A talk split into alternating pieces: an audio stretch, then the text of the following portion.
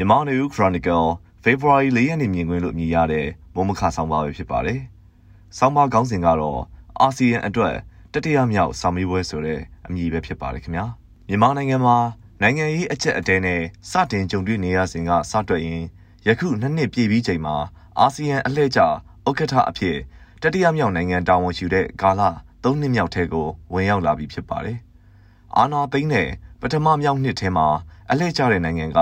ဘရူနိုင်းနိုင်ငံဖြစ်ပြီးအာနာသိန်းနဲ့ဖေဖော်ဝါရီလ၁ရက်နေ့2021ခုနှစ်ကနေဒီဇင်ဘာလ31ရက်2021ခုနှစ်အတွင်းမှာမြန်မာနိုင်ငံအတွက်အရေးပေါ်အစည်းအဝေးတစ်ချိန်ကိုဂျကာတာမှာကျင်းပခဲ့ပြီး အဲ့ဒီမတိုင်ခင်ထိုင်းနိုင်ငံမှာနိုင်ငံသားရေးဝန်ကြီးအလို့သဘောအစည်းအဝေးတစ်ချိန်နဲ့2021ခုနှစ်ရဲ့နောက်ပိုင်းအာဆီယံနိုင်ငံနှစ်စဉ်အစည်းအဝေးမှာအဲ့ဒီနှစ်ဧပြီလကချမှတ်သဘောတူခဲ့တဲ့အာဆီယံသဘောတူညီမှု၅ချက်ကိုစစ်ကောင်စီကအကောင့်ထဲဖုံးမှုမတွေ့ရလို့မြန်မာနိုင်ငံကနိုင်ငံရေးအရာခန့်အပ်ထားတဲ့သူတွေကိုမဖိတ်ဖို့ဆုံးဖြတ်ကြတာဖြစ်ပါတယ်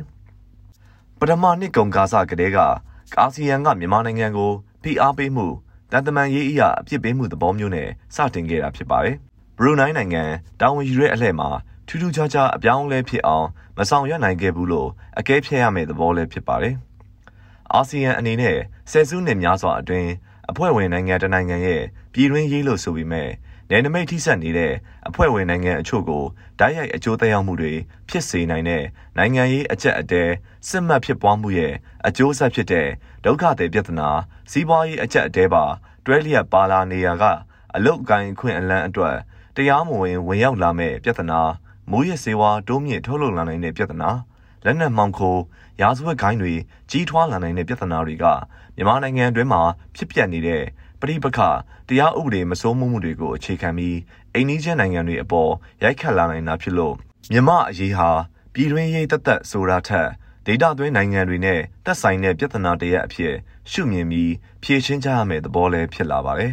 ။သို့ပေမဲ့ပထမနှစ်မှာအောင်မြင်မှုပူးပေါင်းဆောင်ရွက်မှုရဲ့လို့မဲမဲရရမရရှိခဲ့ပဲအပြစ်ပေးမှုတန်ခတ်မှုတွေနဲ့သာအချိန်ကုန်ဆုံးခဲ့တာဖြစ်ပါတယ်။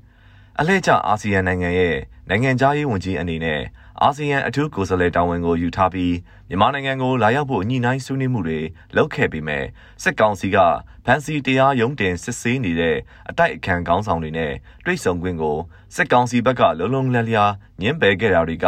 ခရီးစဉ်ကိုအထမမြောက်စေခဲ့တာဖြစ်ပါတယ်။ ဒုတိယမြောက်နှစ်ဖြစ်တဲ့2022ခုနှစ်မှာတော့အလှည့်ကျနိုင်ငံကကမ္ဘောဒီးယားနိုင်ငံဖြစ်ပြီးဝန်ကြီးချုပ်ဖြစ်သူဟွန်ဆန်အနေနဲ့အာဏာရှင်တွေရဲ့သဘောတဘာဝကိုသိရှိသူ၎င်းကိုယ်တိုင်ကဆယ်စုနှစ်များစွာအာဏာကိုချုပ်ကင်ထားသူဖြစ်လို့စစ်အာဏာရှင်တွေကိုအတိုင်းအတာတစ်ခုထိနားလည်အောင်ဖြောင်းပြနိုင်မလားဆိုတဲ့မျှော်လင့်ချက်နဲ့ကမ္ဘောဒီးယားဝန်ကြီးချုပ်ကယူဆခဲ့တာတွေ့ရပါတယ်။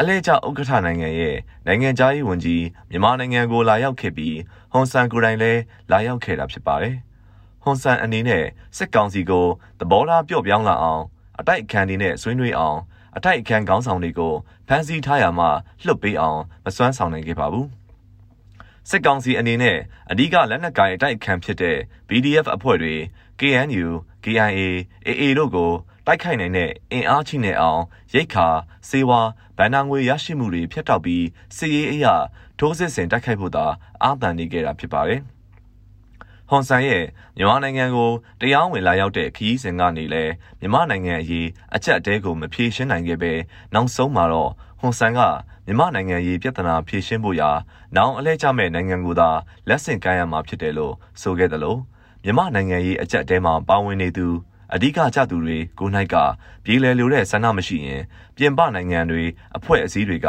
ဘာမှမတတ်နိုင်တဲ့အကြောင်းမှတ်ချက်ချခဲ့တာဖြစ်ပါတယ်။အခုနှစ်2023မှာအလှည့်ကျတဲ့နိုင်ငံကအရှိတောင်အာရှမှာစီးပွားရေးအရာရောနိုင်ငံရေးပြုပြင်ပြောင်းလဲမှုကိုတွေးထွက်တန်ယူအ ਨੇ ဆုံးနဲ့ပြောင်းလဲနိုင်ခဲ့ပြီးနိုင်ငံက